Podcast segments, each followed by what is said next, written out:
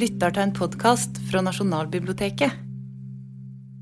Altså, Hva er det Snorre driver med her? Altså, Han begynner liksom historia med å fortelle om noe sånt som at eh, først så kom eh, Adam og Eva, og ut av disse ættene ikke sant? Allfader skapte verden, og sånn, og Adam og Eva. Og så kommer alle ættene, og etter en stund så glemmer de å være rettroende. Og mange glemmer de ekte, din allfader og alt sammen. Og til tross for det så er allfader han er raus, han er god, han gir grøde til jorda, masse ting. Og det er helt klart at det, mener jeg og en rekke andre folk som har eh, brukt tid på, på Edda, at det her prøver Snorre å begynne historia si med å lage en innpakning som gjør at han eh, kommer unna og ikke blir anklagd for å være kjetter. Når han skal sette i gang, som er det egentlige prosjektet hans, som er som en slags geysir, å sprute ut historier om de gamle gudene før det blir glemt i en tid hvor kristendommen har kommet helt opp i våre trakter. Så det gidder vi ikke å bruke så mye tid på, for jeg tenker at det Snorre sjøl er ikke det han er mest interessert i.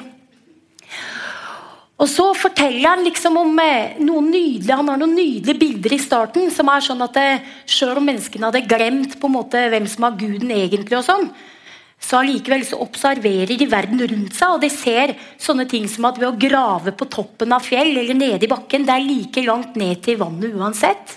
Og at hvis du lager sår i jorda, så kommer det gress på det. Og det har vi liksom til felles at jorda og menneskene og dyra har masse ting til felles. At for eksempel, sånn som Trærne slipper bladene om høsten, og så kommer det nye om våren. Sånn gjør fuglene og, og, og dyra òg, med pelsen sin. Og Så sier han at menneskene så det, og de tenkte at jorda var kvikk. Og jorda var levende, og at jorda ga liv. Og Det ligger i prologen. Og så begynner han egentlig nesten rett derfra på Gylvaginning, hvor kong Gylva Svitjord blir lurt av Gjevjon, en dame som lurer ham for masse jord og bestemmer seg for å finne ut og dra til Åsgård for å finne ut hvordan er det med disse åsene, gudene. Hvorfor kan de alt? Om liksom trollkyndighet. Hvorfor har de krefter, og hvor har de dem fra? Og Så kler han seg ut, og så drar han til Åsgård. Og så kaller han seg ganglære, som betyr noe omtrent sånn en vandringsmann eller en som er trøtt av å gå. Og Så kommer han til Åsgård, tror han, men egentlig så er det en sånn synskverving. En, et, han, han, de setter opp et sånn narresyn, på en måte. Og Han kommer inn i en hall, og der er taket dekt av skjold av gull. Og det sitter folk og eter og drikker der. Og på en slags trone innerst så sitter det tre høvdinger. Og det er Høg, og det er Jamhøgd, og den tredje heter Tredje. Akkurat det er litt uoriginalt, syns jeg, men det er greit. Og Så stopper han og så spør han dem, og så sier at han vil vite om på en måte esenes liv og levne. At han vil skjønne hvorfor de er så flinke til det de er, osv. Og, så og så sier da Høg og Jamhøg og tredje at eh, du kan stå, men den som skal fortelle og lære bort, den skal sitte. Og du kommer ikke ut herfra før du har lært noe nytt. Og det som ganglære ikke veit da, er at det er Odin, alle disse tre skikkelsene. Odin har gått i tre skikkelser og på en måte forkledd seg, de òg. De lurer han litt. Og jeg må si at det, Som forteller så leiter du ofte etter strukturer i bøker. Du prøver å kle av huden og laga over for å se hvordan er fortellinga bygd opp. Og Ofte er jobben din etterpå å destillere og velge. Og her så er det sånn at En lang stykke nå så destillerer Snorre sjøl. Han ramser opp og destillerer. ikke sant? Og det betyr at Som forteller så må du velge om du forholder deg til det. Skal du gjøre det sånn som det står, eller skal du utbrodere? Men det er veldig veldig destillert.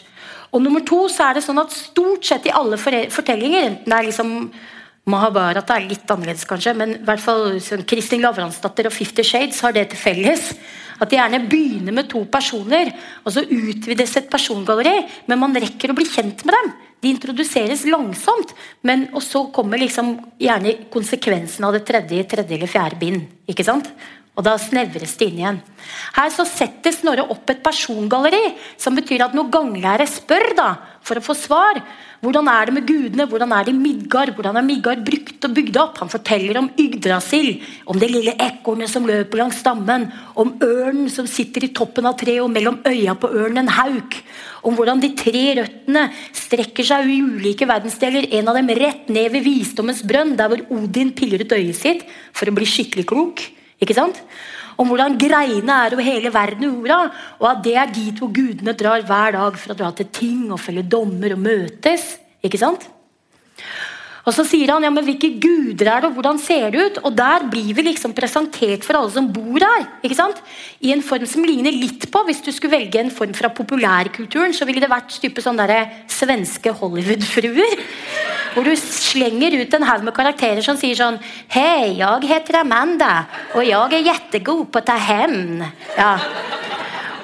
Og Sånn er det her også. Det er en haug med guder. Og disse gudene vet dere hvem er. Det er Odin, f.eks.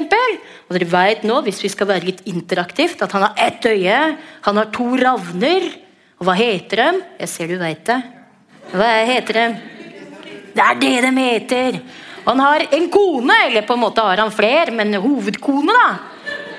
Hun har Frigg, ikke sant? Og han har en sønn blant flere som er eh, Thor. ikke sant? Og Thor kommer fram. 'Hei, jeg heter Thor. Jeg er Mjølner.' Han har en hammer han kan kaste, som kommer tilbake. Men for å kaste, holde i den hammeren må han faktisk ha på seg to jernhansker. Det visste jeg ikke. Han har et belte som han kan, eh, som han kan eh, spenne om seg, som gjør at han får ti ganger styrke. ikke sant? Og så har du folk som Balder som er så snill og god og full av fred og fint. Og der hvor han bor, må det være så reint, så reint. Og han har hvite øyebryn, og, det, og, så, og sånn som Balder Brå. Balders øyebryn. Så hvitt er det. Ikke sant? Det er fint. Og så har du Brage, som er så god med ord. Og så har du selvfølgelig Loke, ikke sant? Som vi kommer litt tilbake til, for han er jo en spesiell type. Hadde ikke vært så gøy uten han, men kanskje ikke så fælt heller. Og så har du Frøya ikke sant? og Thor som kjører med to geiter. Spesielt valg, men det er jo han som man kan koke og ete. ikke sant?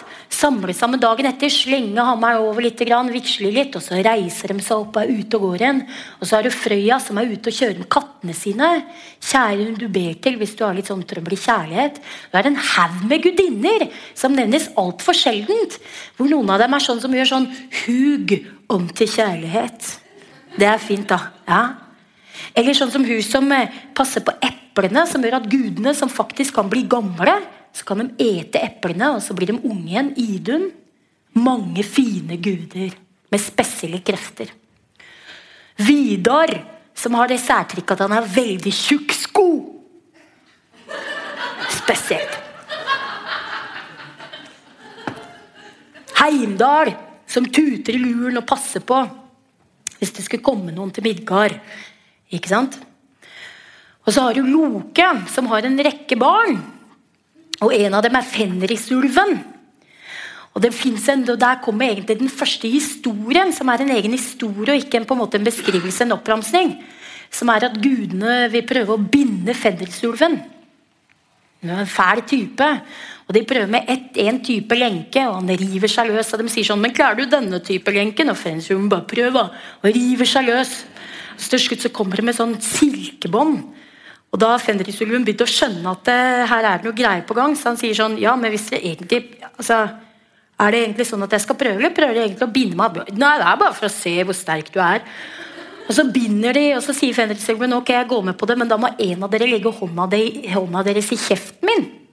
Og alle gudene tar et skritt tilbake. For de har jo tenkt å binde ulven. Unntatt Ty, som er liksom modig gud. da legger hånda si inn i kjeften på fenrisulven, og så binder de fenrisulven hardt fast. Han kommer ikke løs. Han sliter og sliter, og da står det Da lo alle esene, unntatt Ty, for han mista handa si. Det er veldig nøktern, på en måte, men også, det er sånn dårlig gjort. Ja, De visste jo at det er det som skulle skje. Og han òg. Han er liksom, Det er kjipingrollen å få i gjengen, akkurat det. da. Og så kommer neste, neste historie som kommer da, er om Sleipner, om hvordan, eh, som er et av Lokes barn. det også. Midgardshommen er Lokes barn. Hel er Lokes barn. Men faktisk også Sleipner er Lokes barn. Fordi at Når de har da bygd ferdig Midgard, ganske ny, det er nytt, så tenker de som så at eh, da har Thor dratt ut for å drepe troll med hammeren sin. Så de er ganske ubeskytta. De føler seg ubeskytta, så de tar en sånn Trump og sier sånn Vi må bygge en mur! Og så, fall, så kommer det da en håndverker gående da, og sier at han kan bygge den muren, men han skal ha innmari bra betalt. Han skal ha både Frøya og han skal ha de to barna, Sol og Måne, som går over himmelen og jager seg ulver. Og de tenker det at Ja, ikke sant? Jeg veit ikke. De diskuterer det. ikke sant? De snakker om det, de har råd, og så bestemmer de seg faktisk som jeg faktisk syns er drøyt og bare tenke over muligheten til å liksom gi bort Frøya for en mur. Altså jeg, jeg, kjenner jeg blir irritert på det. Men i hvert fall så sier de da Ok, eh, vi, vi, må lage en eller annen sånn avtale her, da. Hvis du bygger denne muren, så skal du få det du ber om. Så framt du klarer å bli ferdig med absolutt alt innen våren har kommet. Den første sommerdagen, når den første sommerdagen kommer, hvis du ikke er ferdig med alt med den muren, så får du ikke den betalinga du vil ha. Og Loke også lusker i buskene og sier sånn Ja, det er kjempebra deal. og sånn, Bare kjør på. Så hvert så han begynner å, og så sier de også Men du får ikke hjelp av noen.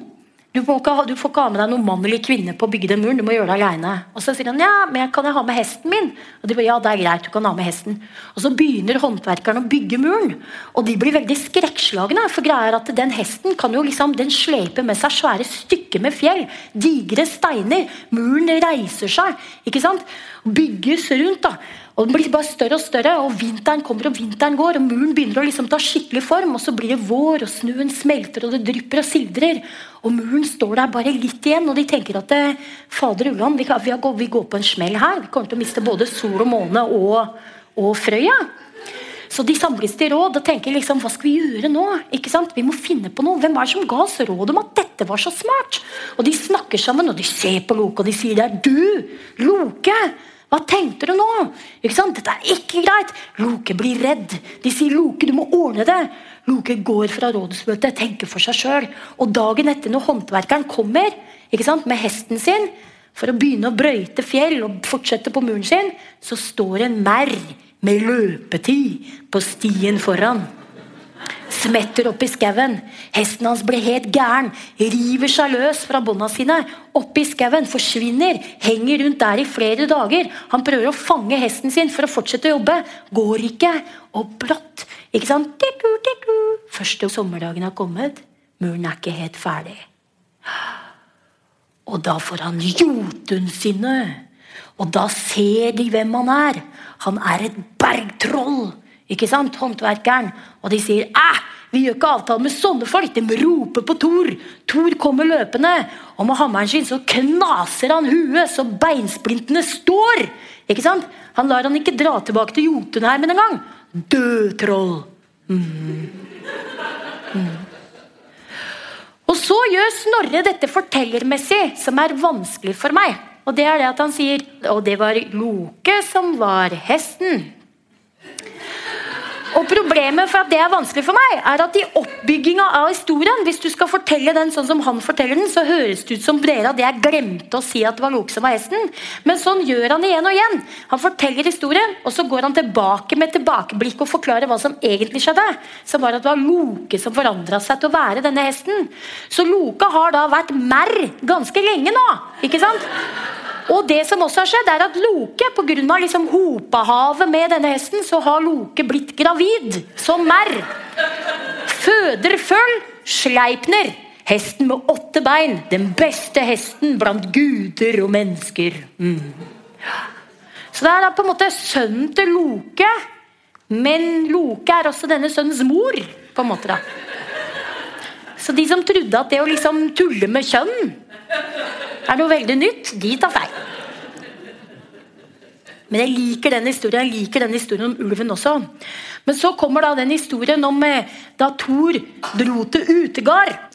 Gylve sier ikke sant? Kong Ylve sier, eller ganglære som han kaller seg, sier til Høg og Jamhøg og tredje i samtalen, denne dialogen som de har mellom seg.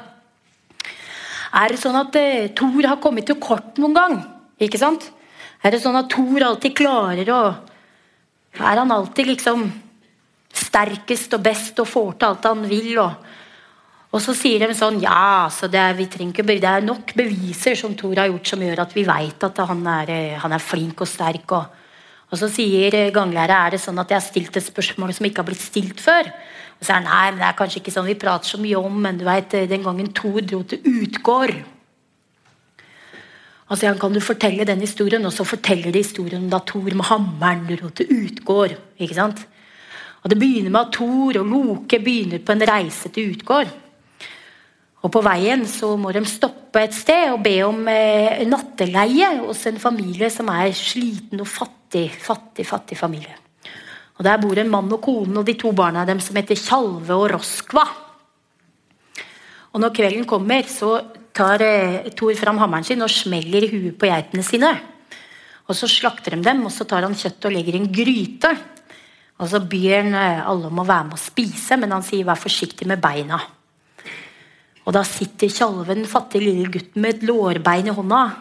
Et margbein. Og når noen ikke ser på, så tar han knivspissen sin og stikker inn i beinet og bryter opp, så han kan slurpe i seg margen. Og Thor han har trekket skinnet til geita litt unna bålet, og så ber han alle om å legge beina inn, og så kan de pakke det inn, og så sover de, og dagen etter så tar han hammeren sin og vigsler skinnet sånn, og så reiser to geiter seg opp igjen, og de er like fine som det de var i går. Nesten. For den ene har brekt bakbein. Og da står det så nydelig at når bonden ser de brune bryna til Thor synke nedover øynene, så blir han så redd. Og det står at bonden tenker at sjøl om det er lite av øynene han kan se, så Thor må ha noen skikkelig buskebryn. Så tenker han at hvis jeg blir sett på med det blikket, så faller jeg død til jorda. For Thor blir innmari sint. Og bonden og kona hans sier at du kan få alt vi vil gjøre bot. Du kan få alt vi har. Vi har ingenting, men det vi har, kan du få. Og når Thor ser hvor redde de er, ikke sant? hvor fortvila og redde de er, så ble han blid. Mm. Ferdig med det. Ja. Og så sier han 'jeg tar de to barna deres'. De kan være tjenerne mine. Og sånn blir det. De følger han eh, fra da, egentlig. Og Så reiser da Tjalve og Roskvald, Thor og Moke videre. Og De reiser om dag, og, og de reiser over hav, og de og reiser over noen elver som har noen navn, og gjennom skau og alt mulig. Og På et tidspunkt så begynner det å mørkne, og de skal finne natteleie. Og Da kommer de liksom i mørket der, så ser de at det er et hus. Og På sida av huset så er det en åpning som er liksom like lang som husveggen til huset. Og De går inn der, og der er de liksom i en stor hall. Og De legger seg ned for å sove, men etter en liten stund så våkner de av noe himla brøl. Og jorda liksom bølger under dem, og det dundrer og herjer. Og det blir kjemperedde, og de reiser seg opp og de føler seg fram langs langveggen. Og inn der på sida er et lite sidekammers til høyre der. Sånn at alle går inn og legger seg der, unntatt Thor, som setter seg i åpningen og holder hammeren sin klar. Og sånn sitter han til morgengry.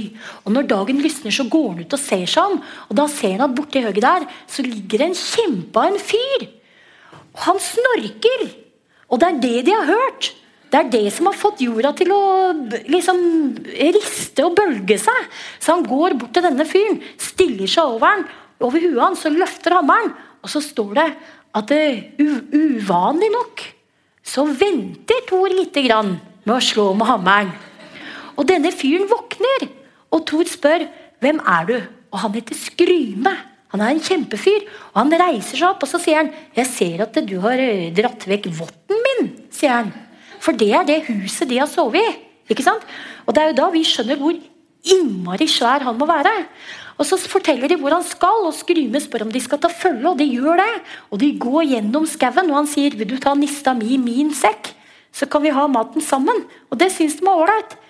Han har den på ryggen, og så går de sammen. Og når kvelden kommer, så setter han fra seg sekken sin. Så sier han jeg går bare og legger meg. Dere får spise kveldsmat, dere.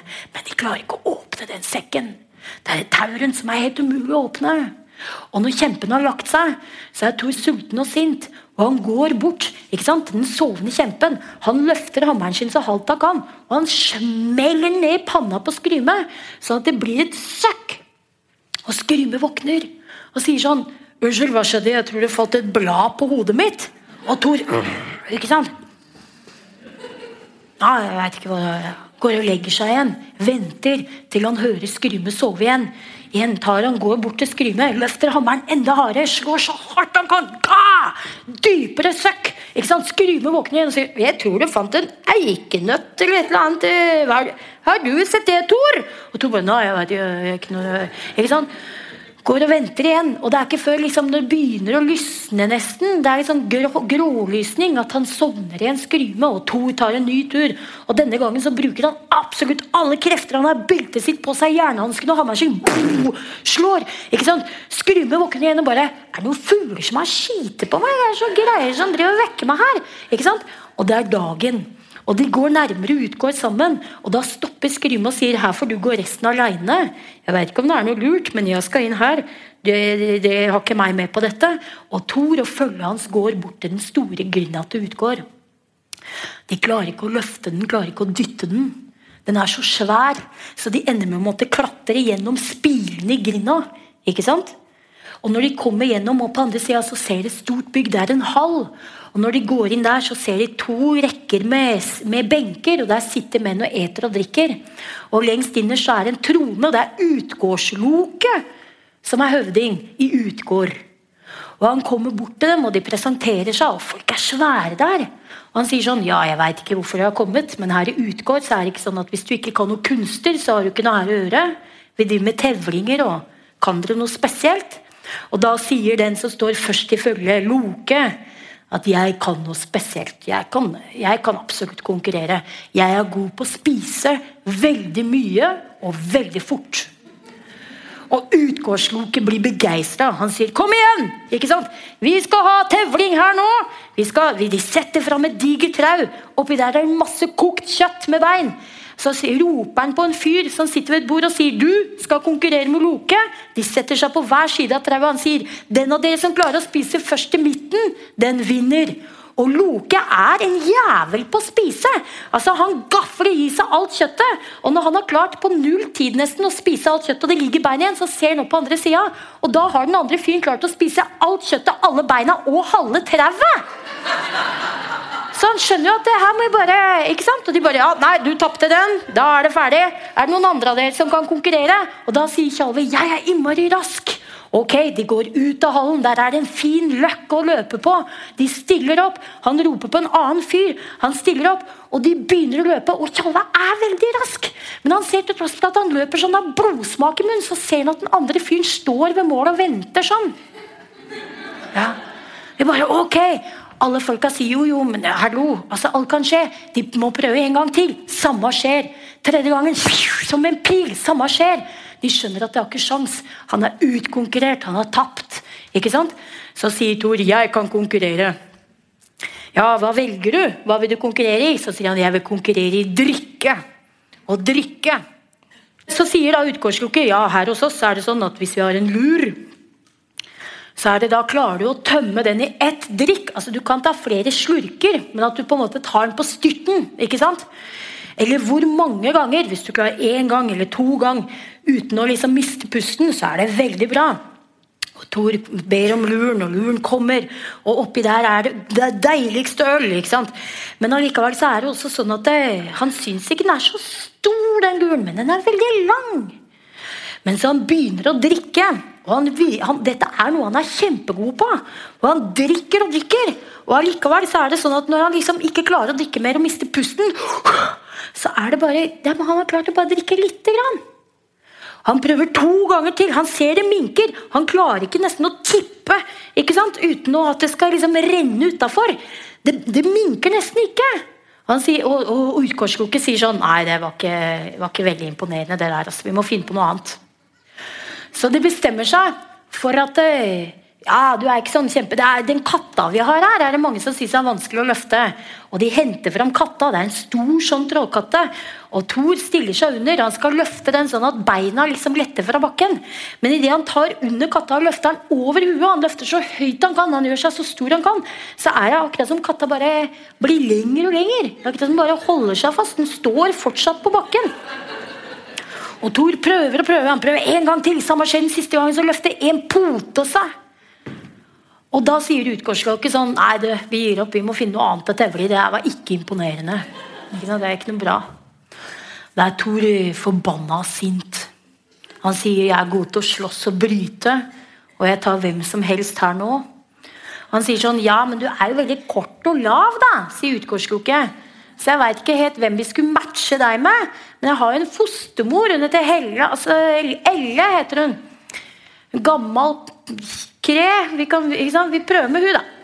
Og så kommer det fram en gammel kone. ikke sant? Og sier sånn Ja, ja, men ikke bli, ikke bli, ikke føl deg dust, liksom. Hun har klart å bryte med folk som er vel så sterke som deg, så, så bare kjør på. Og Thor bryter og slåss med henne, og lenge står de stille. Men så begynner Elle med masse triks. Hun begynner med kraftige rykk og plutselig utfall, som gjør at Thor blir ustø på beina, som det står. Og på et tidspunkt så klarer ikke Thor lenger. Han må sette et kne i bakken, og da er kampen over, og hun er vinner. Åh, de skammer seg. De går og spiser noe mat, og så legger de seg. Og morgenen etter så våkner de opp til et fint bord med masse god mat. De spiser og drikker, og så blir Thor og gjengen hans fullt ut. Ut av grinda, ut av Utgård. Og når de kommer ut på sletta, så sier, eh, sier Thor at han er harm og skamfull over at dere må tro at vi har ikke noe ikke noe styrke egenskaper. Det er harmfullt, sier han. Og så sier Utgårdskog at ja, men du vet, nå som vi er utafor Utgård, så vil jeg si at hadde jeg visst at det bodde disse styrkene i deg og din gjeng, så hadde dere aldri fått lov til å komme inn. Fordi du vet, det var jeg som var skryme. Jeg forandra meg igjen. Ja, men Og så eh, ser du de åsene, de litt flate åsene bak der ser du at det er tre firkanta hakk. Søkk. Det er fordi at når du kom med hammeren din og jeg lå og sov, så skjøv jeg de foran meg og lagde en synkverving, sånn at du ikke skulle skjønne. Hadde du treffet meg med et av de hammerslagene, så hadde jeg vært død. Ikke sant? Og når du kom inn her Du vet at når Loke spiste om kapp med en av mine hirdmenn, det var ikke en person, det var viltbrannen som spiste på andre sida. Det var ildebrannen han konkurrerte mot. Som spiste både kjøtt og bein og halve trauet. Kan ikke vinne mot det. Og du vet, Når Tjalve løp, så var det tanken min han konkurrerte mot.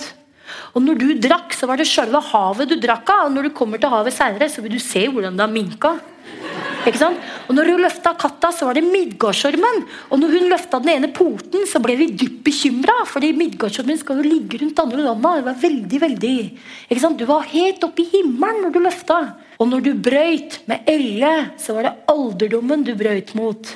Og sjøl de sterkeste menn eller kvinner må, når de slåss mot alderdommen, før eller siden sette et kne i bakken. Ikke sant? Du kunne ikke vinne der. Er det ikke vakkert og fint? Ja.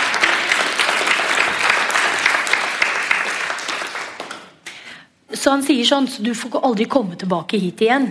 Og så drar de fra Utgård. Mm. Og så sier ganglæret Ja, så det var ikke egentlig sånn at de på en måte De slo Thor, da, på en måte. Og så sier han ja, så jeg tror Thor kunne på en måte tåle dette. Og så fikk han møte Midgårdsormen seinere. Og Det er den veldig veldig korte historien som de fleste av dere kan, og som er sånn utstilt på statuer i bortgjemte parker hvor folk urinerer og driver med prostitusjon. Eksempel, rett ved der hvor jeg bor på Tveita, hvor Thor står med begge beina rett gjennom båten ikke sant? fordi at han skal trekke opp eh, ormen. Og så går føttene hans han må stå på sjøbånd mens han trekker. Det er jo det med stakkars Edda og Tor og alt mulig. Det er veldig mye satanrock. Det er greit for meg. Altså, Kjør på med masse Og så er det jo selvfølgelig en hel haug med nynazisme, hvis man sjekker litt på nettet. Og så er det en rekke firmaer som driver med olje, som er skikkelig glad i Edda-navn. Men sånn er det jo. Vi får se om 200 år hvordan det er da. Det blir sikkert bare verre. Det spørs hvor, hvor levende vi klarer å gjøre det. Nå skal vi se på klokka, og vi har ikke så god tid igjen, så nå må vi gå til Balder. For da spør ganglære er det noen andre veldig viktige saker eller historier som har skjedd med gudene her. Og så forteller de om Balder, og den historien begynner sånn at Balder har store og merkelige drømmer som varsler at Balder sitt liv er i fare. Og da samles gudene, og så diskuterer de dette. Og så bestemmer de seg for at eh, de må ta noen tiltak. Og det er rett og slett sånn at Frigg, mora til Balder, går rundt til alt levende og alt død og spør om de er villige til å sverge ed på at de ikke skal eh, skade Balder.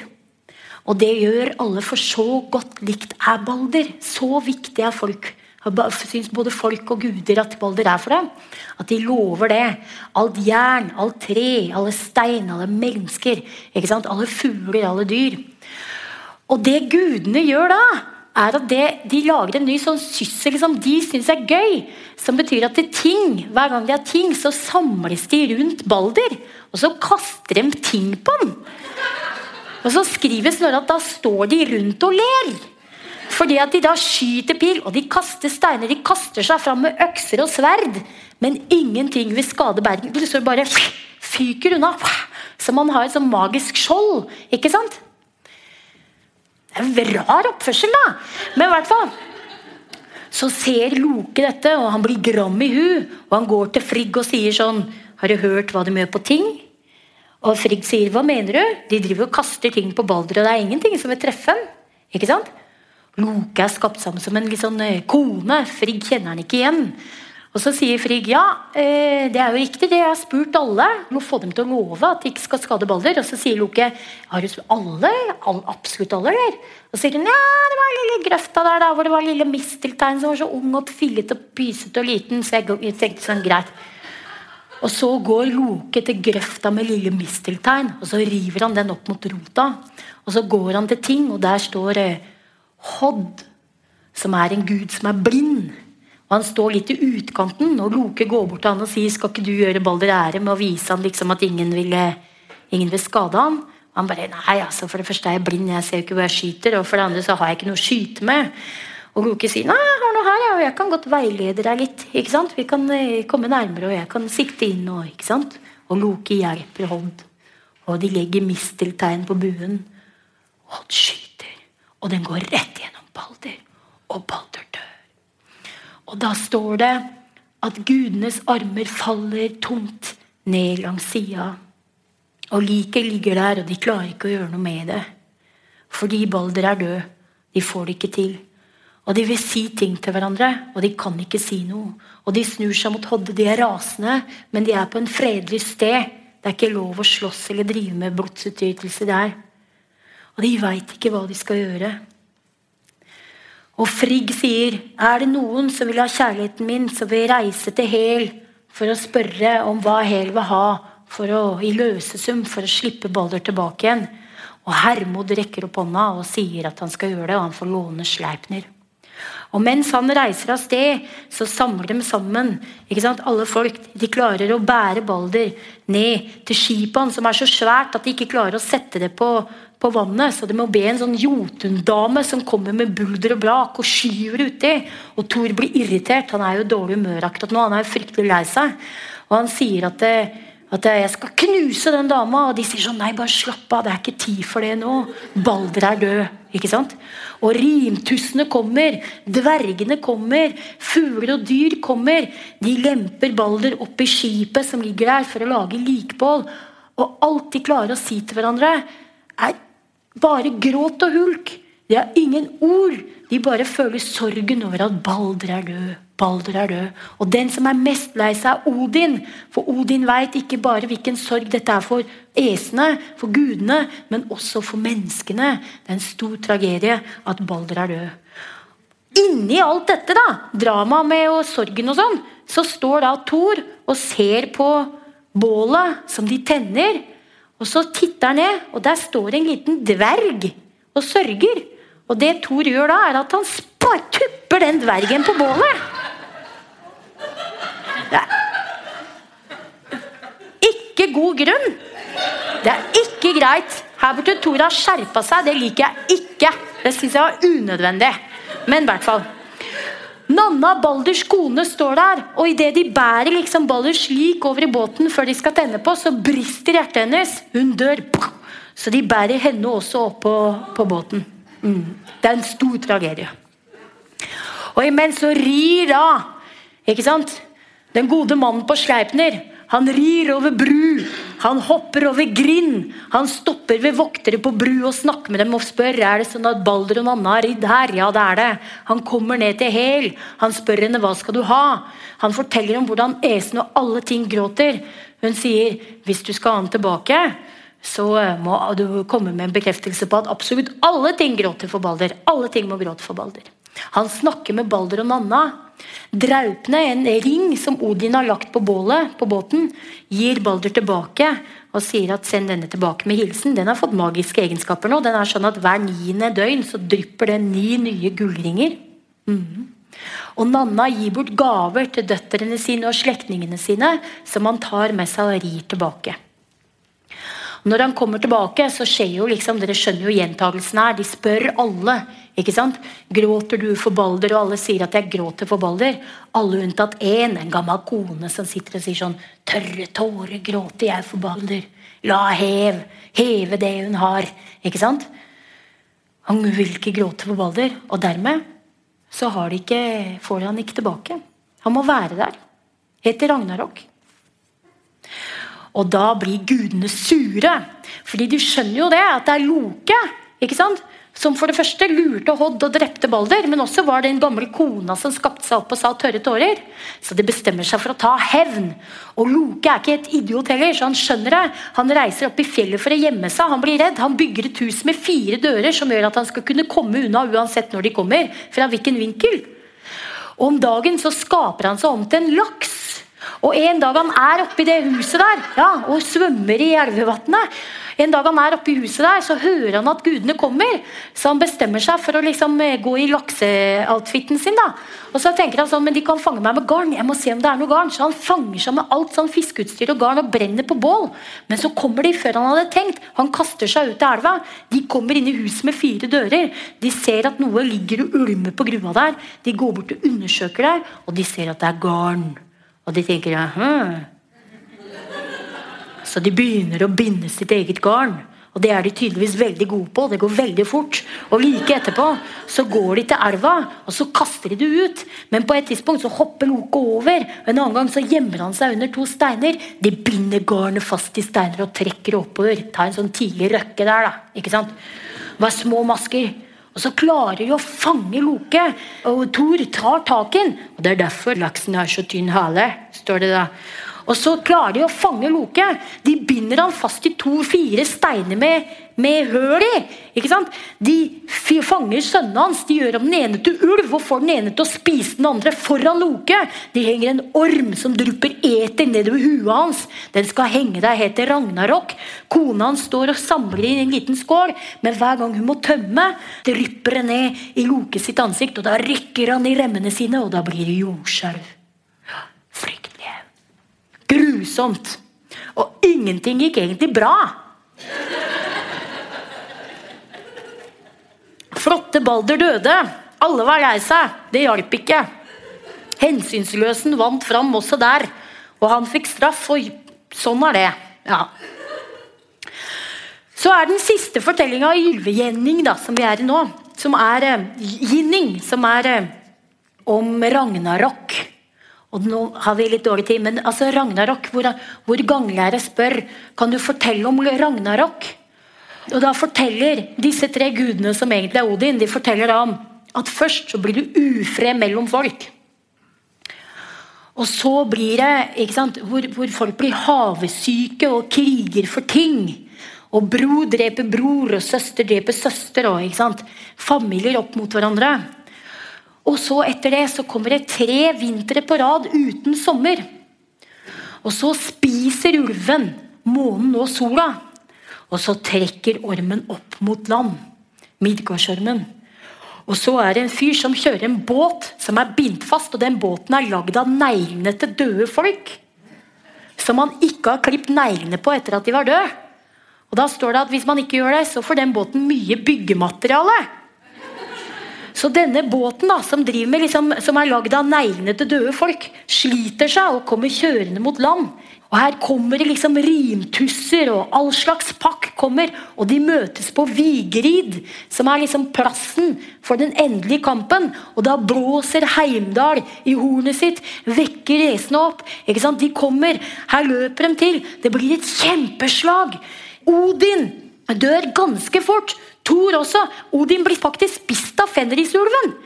Og Da kommer Vidar til å putte den skikkelig tjukke skoen sin inn i munnen på fenrisulven. Så det var grunnen til at han hadde den.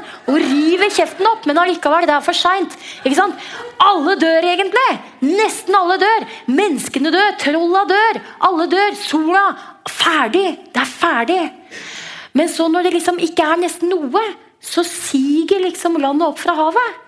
Og det er udyrka mark, men i flor.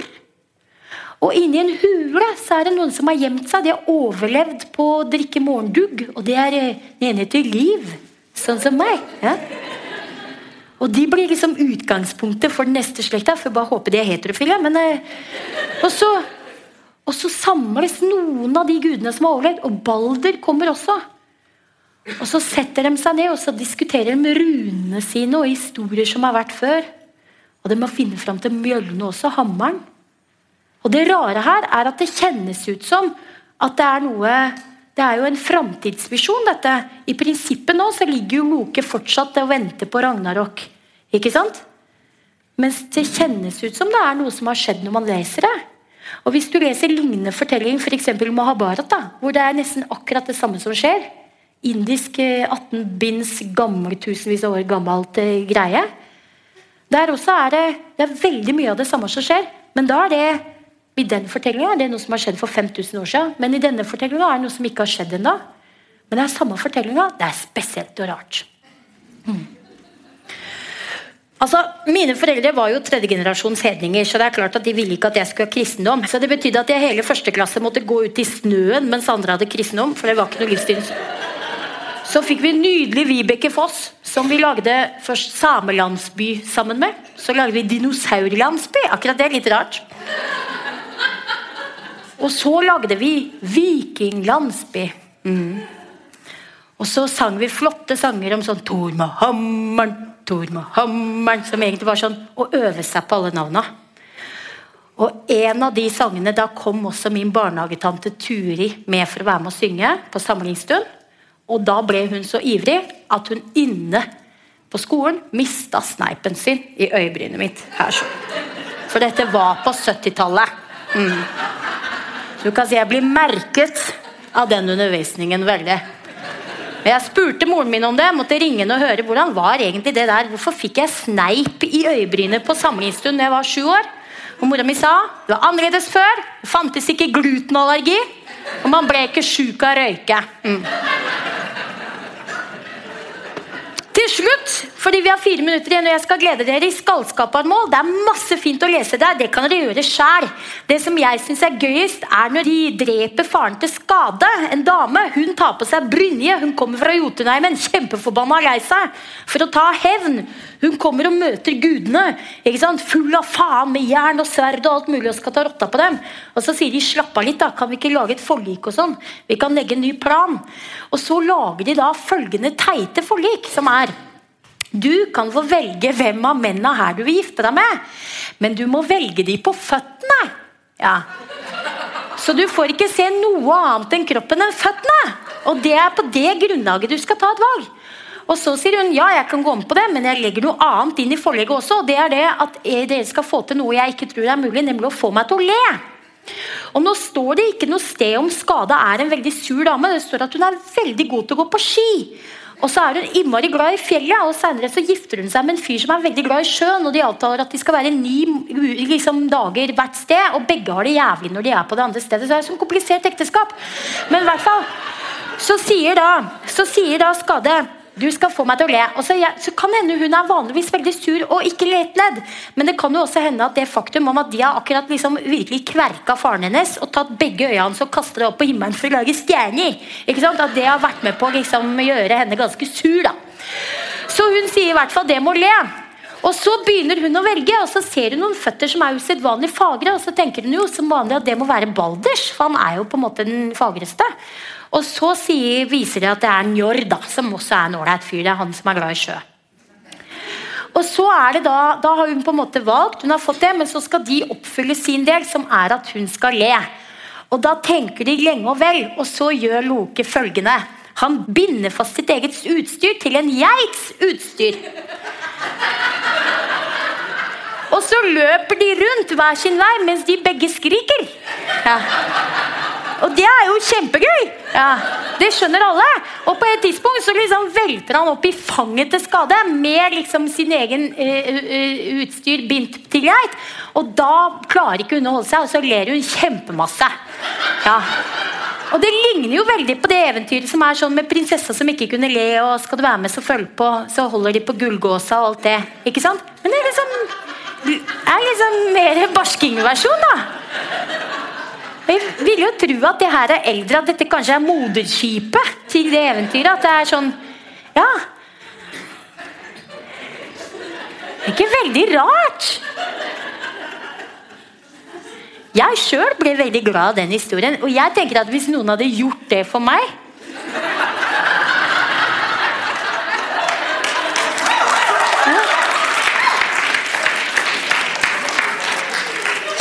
Jeg hadde blitt begeistra. Ja. Jeg hadde ledd, og jeg syntes det hadde vært fint. Og jeg hadde tenkt sånn ja. Jeg hadde, til, tilgitt det meste, da. Kanskje, kanskje jeg til og med hadde vært litt sånn ikke så ivrig på å henge noen under en orm som drypper eter etter ragnarokket. Jeg. Det er jo gøy med sånne folk òg. Jeg kunne sagt noe bevinga ord nå, men jeg gidder ikke. Altså, Edda står for seg sjøl. Tusen takk for nå. Veldig hyggelig å være sammen med dere.